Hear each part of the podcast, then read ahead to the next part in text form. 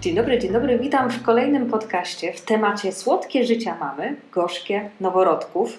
E, no właśnie, słów kilka o fetopatii cukrzycowej. Co to jest? Zaraz się dowiemy. Katarzyna Fortecka-Piestrzeniewicz z Kliniki Intensywnej Terapii i Wad Wrodzonych Noworodków i Niemowląt z Instytutu Centrum Zdrowia Matki Polki w Łodzi. E, witaj Kasiu. Witaj, witaj. Witam serdecznie wszystkich oglądających również. Jesteś lekarzem, e, lekarzem e, pediatrą. E, od 15 lat pracujesz w klinice intensywnej terapii wad wrodzonych noworodków i niemowląt. Pracujesz również w karetce neonatologicznej. Jak obecnie tak wygląda sytuacja covidowa w szpitalu? Trzeba przyznać, że z każdą falą y, liczba noworodków hospitalizowanych z powodu zakażenia wirusem SARS-CoV-2 zwiększa się i w tej fali obserwujemy naprawdę zwiększoną hospitalizację noworodków, u których są objawy. Te dzieci są po prostu chore, zarażają się od mam, które zgłaszają się już do porodu, bo są zakażone, albo e, będąc w domu w tym pierwszym swoich pierwszych tygodniach życia, okazuje się, że rodzina jest chora, ten noworodek się zaraża i trafia do szpitala z niewydolnością oddechową, z kaszlem, bardzo dużą ilością wydzieliny w drogach oddechowych i właściwie wszystkie noworodki trafiają na wsparcie oddechowe. Albo są intubowane, albo mają stosowaną wentylację taką nieinwazyjną. Co więcej, niestety, e, obserwując tą grupę noworodków, która e, od jesieni jest w tej chwili hospitalizowana z powodu właśnie infekcji covidowej, widzimy już w badaniach kontrolnych, tomograficznych, że u noworodków także są objawy włóknienia płuc. Także nie jest to choroba błaha, nie jest to choroba, którą przechodzi się od tak, i, polecamy jak najbardziej, y, żeby zarówno mamy, y, kobiety ciężarne, jak i całe ich rodziny po prostu szczepiły się prewencyjnie, żeby uniknąć komplikacji zarówno dla siebie, jak i oczywiście dla tych swoich przyszłych maleństw, które naprawdę w okresie szczególnie noworodkowym, kiedy układ odpornościowy jest bardzo jeszcze niedojrzały, one są bardzo podatne na infekcje i niestety nie jesteśmy w stanie przewidzieć, jaki ciężki ten przebieg choroby będzie u noworodka. U jednego będzie trochę lżejszy, skończy się na katarze, a u drugiego będzie to ciężkie zapalenie płuc. Taki noworodek dodam jeszcze ku przestrodze, którego mama urodziła w 35 tygodniu ciąży, zmagał się z infekcją w płucach przez okres 6 tygodni. Przez 6 tygodni ten maluch był podłączony do wentylacji nieinwazyjnej, bo nie był w stanie sam oddychać, on się po prostu bardzo męczył. Później bardzo trudno było mu się nauczyć e, pobierać pokarm, bo też się męczył. E, także no nie jest to e, płacha choroba, która, tak jak powiadam, przechodzi w jeden dzień i nic się nie dzieje. Konsekwencje mogą być długotrwałe i trzeba sobie z tego zdawać sprawę, że jest to rzecz poważna, e, a dla mam w ciąży ostatnia też sytuacja rodząca w 33 tygodniu ciąży, która po prostu była rozwiązana w trybie pilnym, bo stan matki się tak pogarszał, że było ryzyko, że niestety ciąża będzie zagrożona i dojdzie jeszcze, nie daj Boże, do obumarcia płodu w konsekwencji tego, że to ta matka ma ciężką infekcję płuc i jest po prostu niedotleniona, więc automatycznie niedotleniony jest e, jej rozwijający się maluch w brzuchu.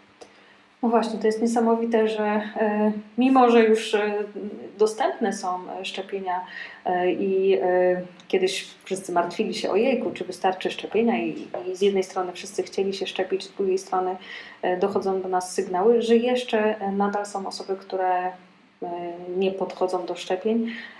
Także droga przyszła mamo, jeżeli jesteś w ciąży, to jak najbardziej warto jak najszybciej się zaszczepić. E, skonsultuj to też oczywiście ze swoim e, lekarzem. I w ten sposób możesz uchronić swoje dziecko przed chorobą. Ja sama też już za chwilę będę szczepić swoje dziecko, bo ruszyły kolejne szczepienia dla 5 i 11-latków. Ty też szczepisz? Masz dwójkę dzieci, Kasia? Ja również, tak Tak, mam dwójkę dzieci, dwóch synów w wieku 5 i 11 właśnie lat, więc e, automatycznie się łapią już na szczepienia i także jutro mają swój wielki dzień, Aha. bo idą na pierwszą dawkę szczepionki, także jesteśmy wszyscy zadowoleni starszy, że mówiąc szczerze, bo przynajmniej wie, że nie będzie musiał zostawać w domu, nie będzie chodził do przedszkola wtedy, kiedy, kiedy wszyscy są zamknięci. Właśnie, że to też umożliwi później e, dalsze tutaj e, no, na, nasze kroki. Także zachęcamy Was, e, drodzy rodzice, do tego, żeby i samemu całe otoczenie swoje wyszczepić i oczywiście, żeby wyszczepić swoich tutaj bliskich. To tak, zacznijmy, to zacznijmy też od tematu naszego podcastu. Fetopatia cukrzycowa. Cóż to takiego jest? Takie groźno brzmiące stwierdzenie, natomiast y, mówiąc bardzo oględnie, jest to stan albo płodu, albo noworodka już, który wynika z tego, że u mamy czy u ciężarnej dochodzi do zaburzonej gospodarki przemiany cukru. Czyli mówiąc krótko, u, u ciężarnej stwierdza się zbyt wysokie stężenia glukozy we krwi. E, mówimy wówczas o cukrzycy, możemy mówić o cukrzycy, możemy mówić o nietolerancji glukozy, natomiast wszystko jest, cała fetopatia jest takim, taką konsekwencją tego, że to stężenie jest ponad normę i wywołuje ono po prostu niekorzystne e, działanie. Jeżeli chodzi o płód, e, to glukoza bardzo szybko jest takim cukrem, który się super fajnie rozpuszcza. Tak? Widzimy, że w herbacie i w wszystkich owocach ona generalnie, jak dodamy jakiekolwiek e, rzeczy z glukozą, to wszystko się pięknie rozpuszcza, my tego nawet nie widzimy. I tak samo jest we krwi. Ono bardzo łatwo przechodzi od mamy z jej krążenia poprzez łożysko do tego rozwijającego się płodu. I tym samym u płodu jest też podwyższone stężenie cukru we krwi. A jak jest podwyższone stężenie tego cukru we krwi, to ten płód reaguje, bo ma zdrową trzustkę i ta trzustka próbuje jak najwięcej wyprodukować insuliny, żeby ten cukier u płodu obniżyć. Mm, niestety sama insulina ma też takie właściwości, że jest hormonem, który oprócz tego, że obniża stężenie cukru, to jeszcze działa na inne organy i powoduje właśnie, że te organy wewnętrzne u płodu zaczynają przerastać. Czyli mamy takiego dużego potem e, bobasa, który rozwija się w łonie mamy, który jest e, za duży, zbyt duży jest ponad normę. Ma wszystko ponad normę, e, poza tym, że jest niedojrzały, czyli jest duży, ale niestety niedojrzały. Wówczas mówimy o makrosomii, czyli o tym właśnie, że mamy duży płód czy dużego noworodka, który wypada z siatek centylowych, on jest ponad normę, ale nie znaczy to, że jest równie silny. Czyli te dzieci borykają się potem z licznymi problemami, takimi jak niewydolność oddechowa, bo ich płuca akurat właśnie nie są przerośnięte i są niedojrzałe. Ich serduszko może być też przerośnięte, a w związku z tym ma duże problemy, bo zaczyna mieć e, zaburzenia rytmu, może źle pompować krew e, i te dzieci mają objawy niewydolności krążenia. E, są to dzieciaki, które też jak są takie duże, to bardzo ciężko je urodzić, mówiąc krótko. Czyli duża, duże jest ryzyko, że ciąża zakończy się cięciem cesarskim, bo takie będą wskazania, bo ciężko jest urodzić noworodka, który waży 4,5 czy nawet 5 kg. E, I wówczas e, istnieje też większe ryzyko, jak się wydobywa takiego dużego człowieka z małego stosunkowo jednak domku, jakim jest macica. Może dojść do złamania obojczyka, bo ciężko jest po prostu to dziecko wyjąć. Może dojść do uszkodzenia splotu barkowego, czyli takie urazy związane z tym, że jest mały otwór, mała dziurka i ciężko tego e, malucha z kobiety wydobyć.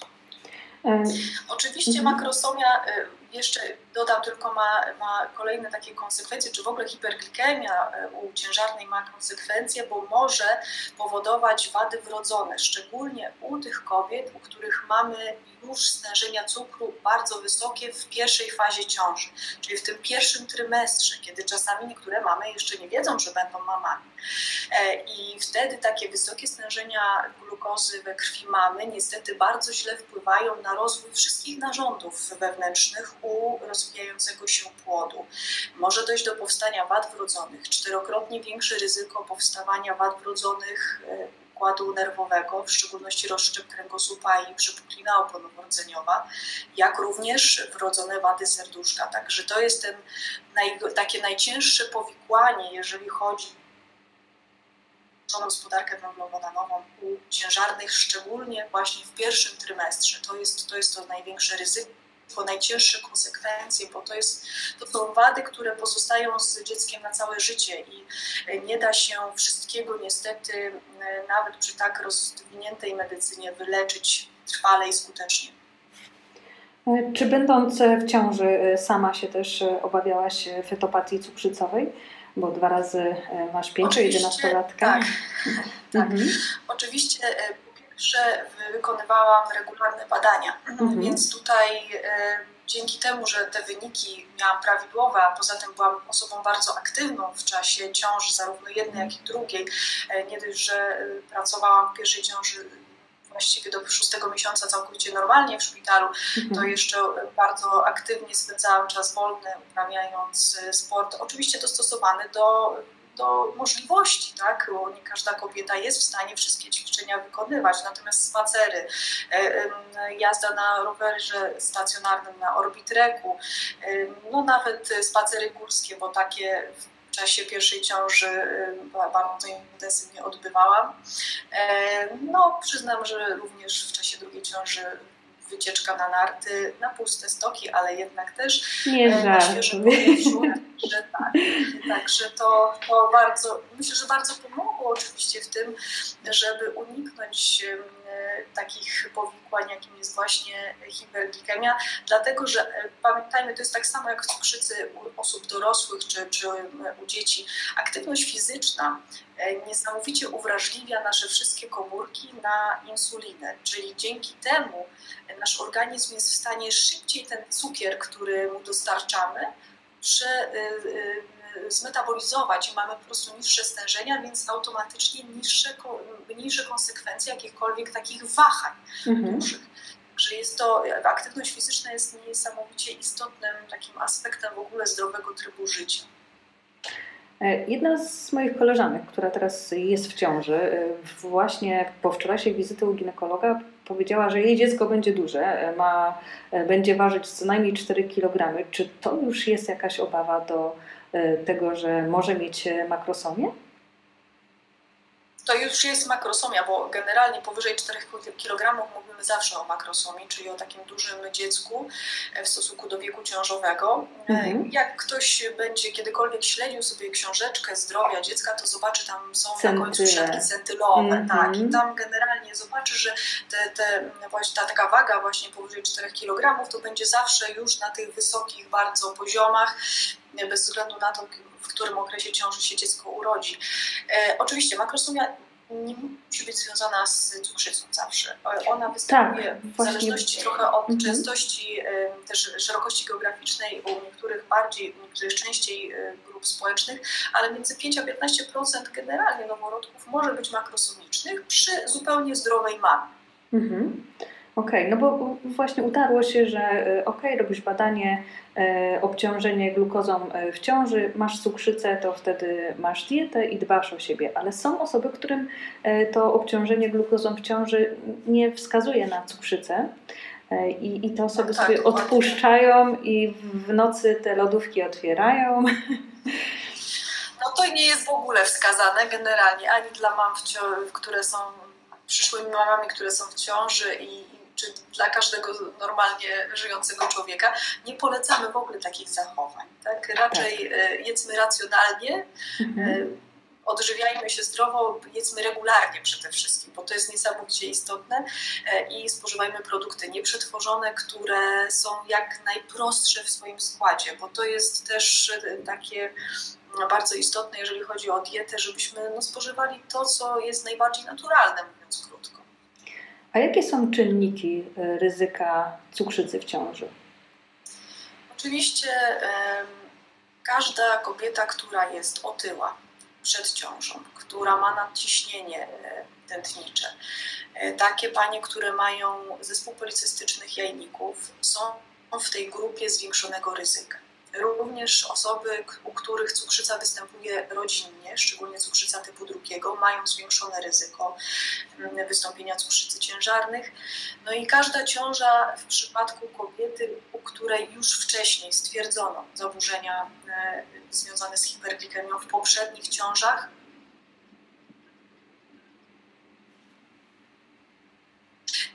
również e, kobiety, które po prostu rodzą po raz kolejny, czyli wielorództwo też powoduje, że każda kolejna ciąża jakby niesie ze sobą troszkę zwiększone ryzyko wystąpienia, e, wystąpienia hiperglikemii w ciąży.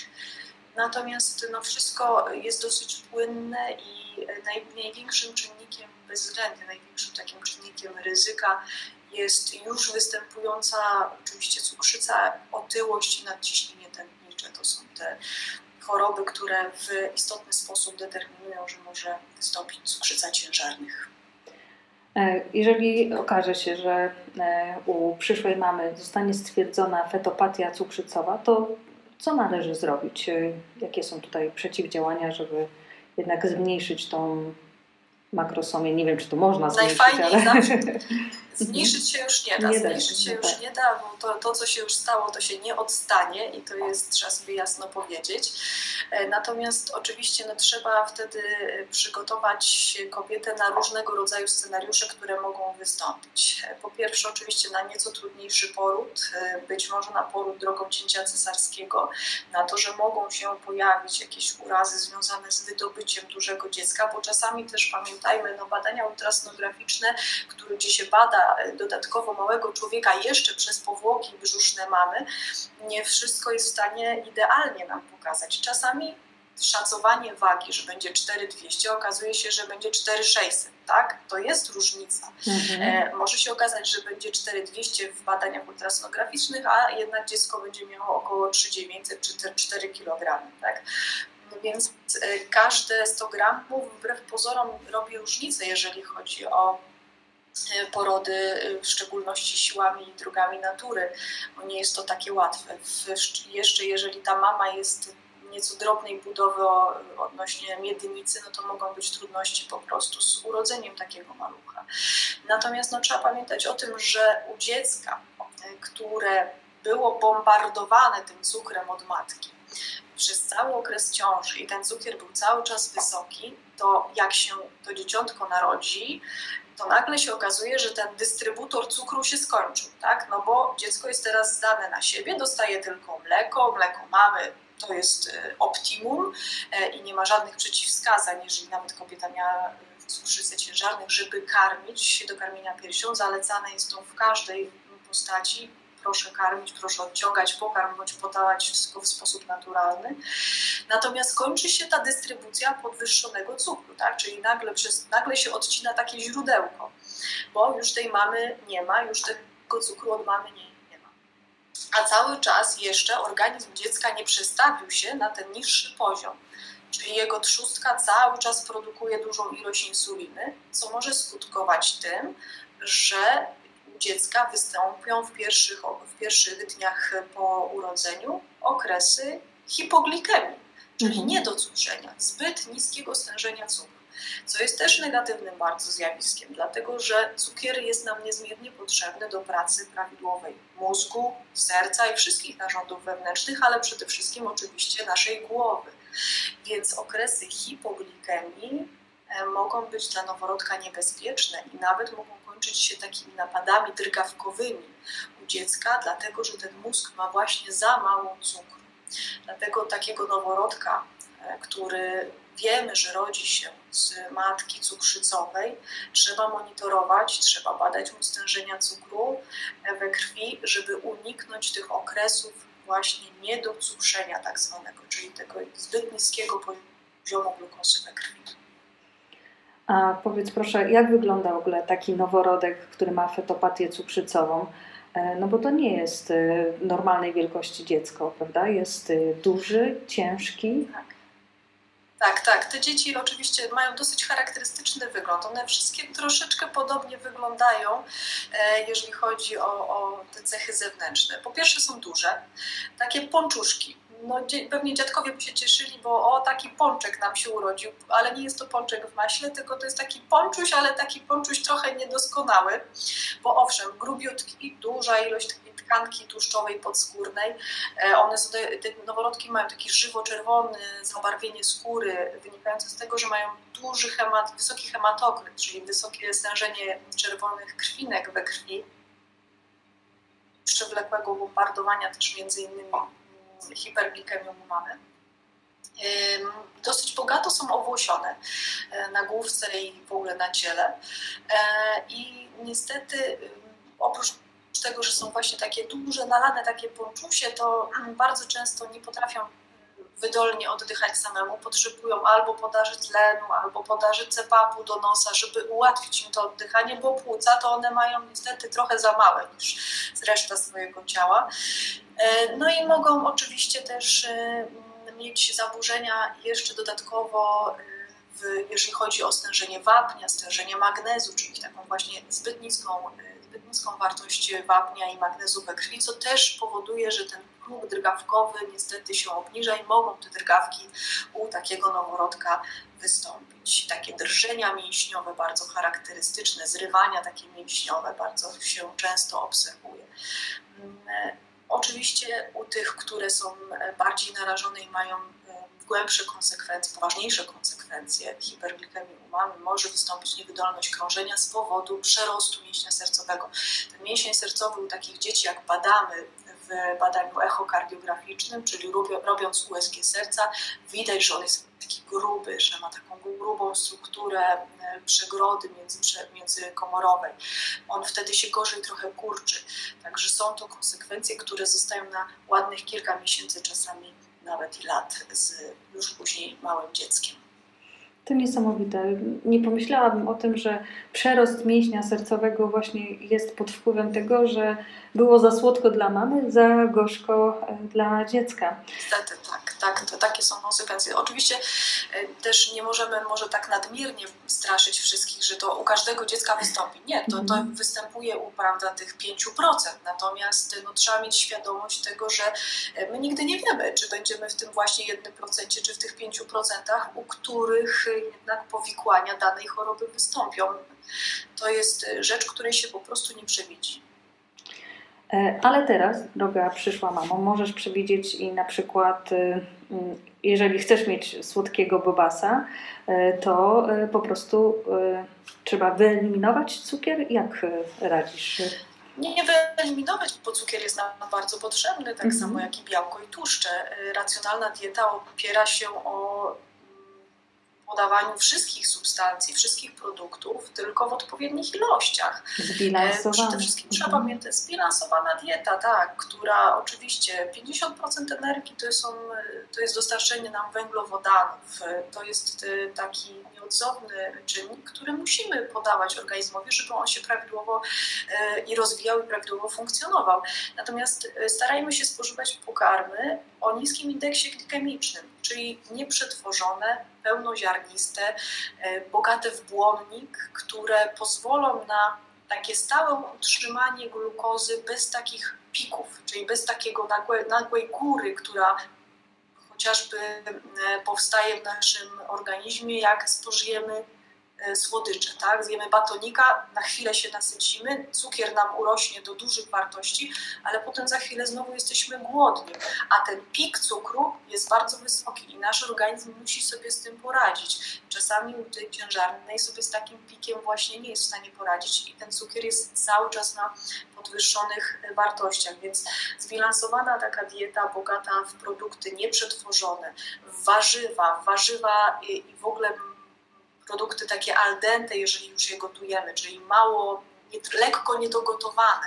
E, bardzo się sprawdzają na przykład produkty ugotowane dzień wcześniej. Ziemniaki, e, warzywa, makarony, kasze, ryż, które były ugotowane dzień wcześniej, spożywane w kolejnych dniach, mają niższy indeks glikemiczny, aniżeli takie na świeżo. Czerstwe pieczywo, to znaczy no czerstwe nikt nie każe każdemu komuś jeść sucharów, tak, żeby sobie zębów nie połamał, ale mm -hmm. jednak e, na przykład świeża bułeczka, bardzo nam smakująca wszystkim, niesie wyższe obciążenie glukozą, czyli jest bardziej dla nas obciążająca niż taka, która będzie spożyta na następny dzień, bo wtedy te cukry się w niej troszeczkę inaczej rozkładają i ona już jest trudniej przyswajalna dla naszego organizmu. Czyli więcej się jelita muszą napracować, żeby taką bułkę, e, mówiąc krótko, wchłonąć i przetrawić, e, co niesie ze sobą fakt, że właśnie tej glukozy wtedy we krwi mamy niższy poziom niż jak zjemy taką świeżutką drożdżóweczkę, prawda, jeszcze rzeczami. No i przy tym, e, przy tej zbilansowanej diecie również ta aktywność fizyczna, o której wspomniałaś, byłaś aktywna cały czas przy jednej drugiej ciąży i e, gorąco namawiamy Ciebie, droga mamo, nawet 15 minut dziennie dodatkowego spaceru e, to dobry nawyk dla Twojego dziecka. Czyli, Absolutnie tak. Czyli Kasiu, w domu, mhm. jeżeli nie, nie, nie no wychodzimy na dwór bo smog, bo brzydka pogoda, coś nas tam powstrzymuje przed wyjściem. E, zróbmy gimnastykę w domu, tak? E, to, co możemy wykonać. E, nikt nie każe oczywiście tutaj dźwigać mamierz jakichkolwiek ciężarów, ale po prostu taka normalna gimnastyka z drobnymi dosłownie obciążeniami, tak, żeby ruszać się po prostu się ruszać, bo każdy taki ruch powoduje, że nas, nasz organizm wtedy pracuje lepiej, a organizm mamy, który jest w lepszej kondycji, automatycznie to jest organizm dziecka, który jest w lepszej kondycji. E, czyli e, temat wystąpienia możemy zmienić e, z słodkie życie mamy, gorzkie noworodka na zdrowe życie mamy, słodkie życie noworodka. Słodkie noworodka, tak jest, dokładnie tak. E, Katarzyna Fortecka-Piestrzeniewicz, lekarz pediatra, bardzo dziękuję za rozmowę. Dziękuję uprzejmie. Dziękuję, pozdrawiam wszystkich bardzo serdecznie.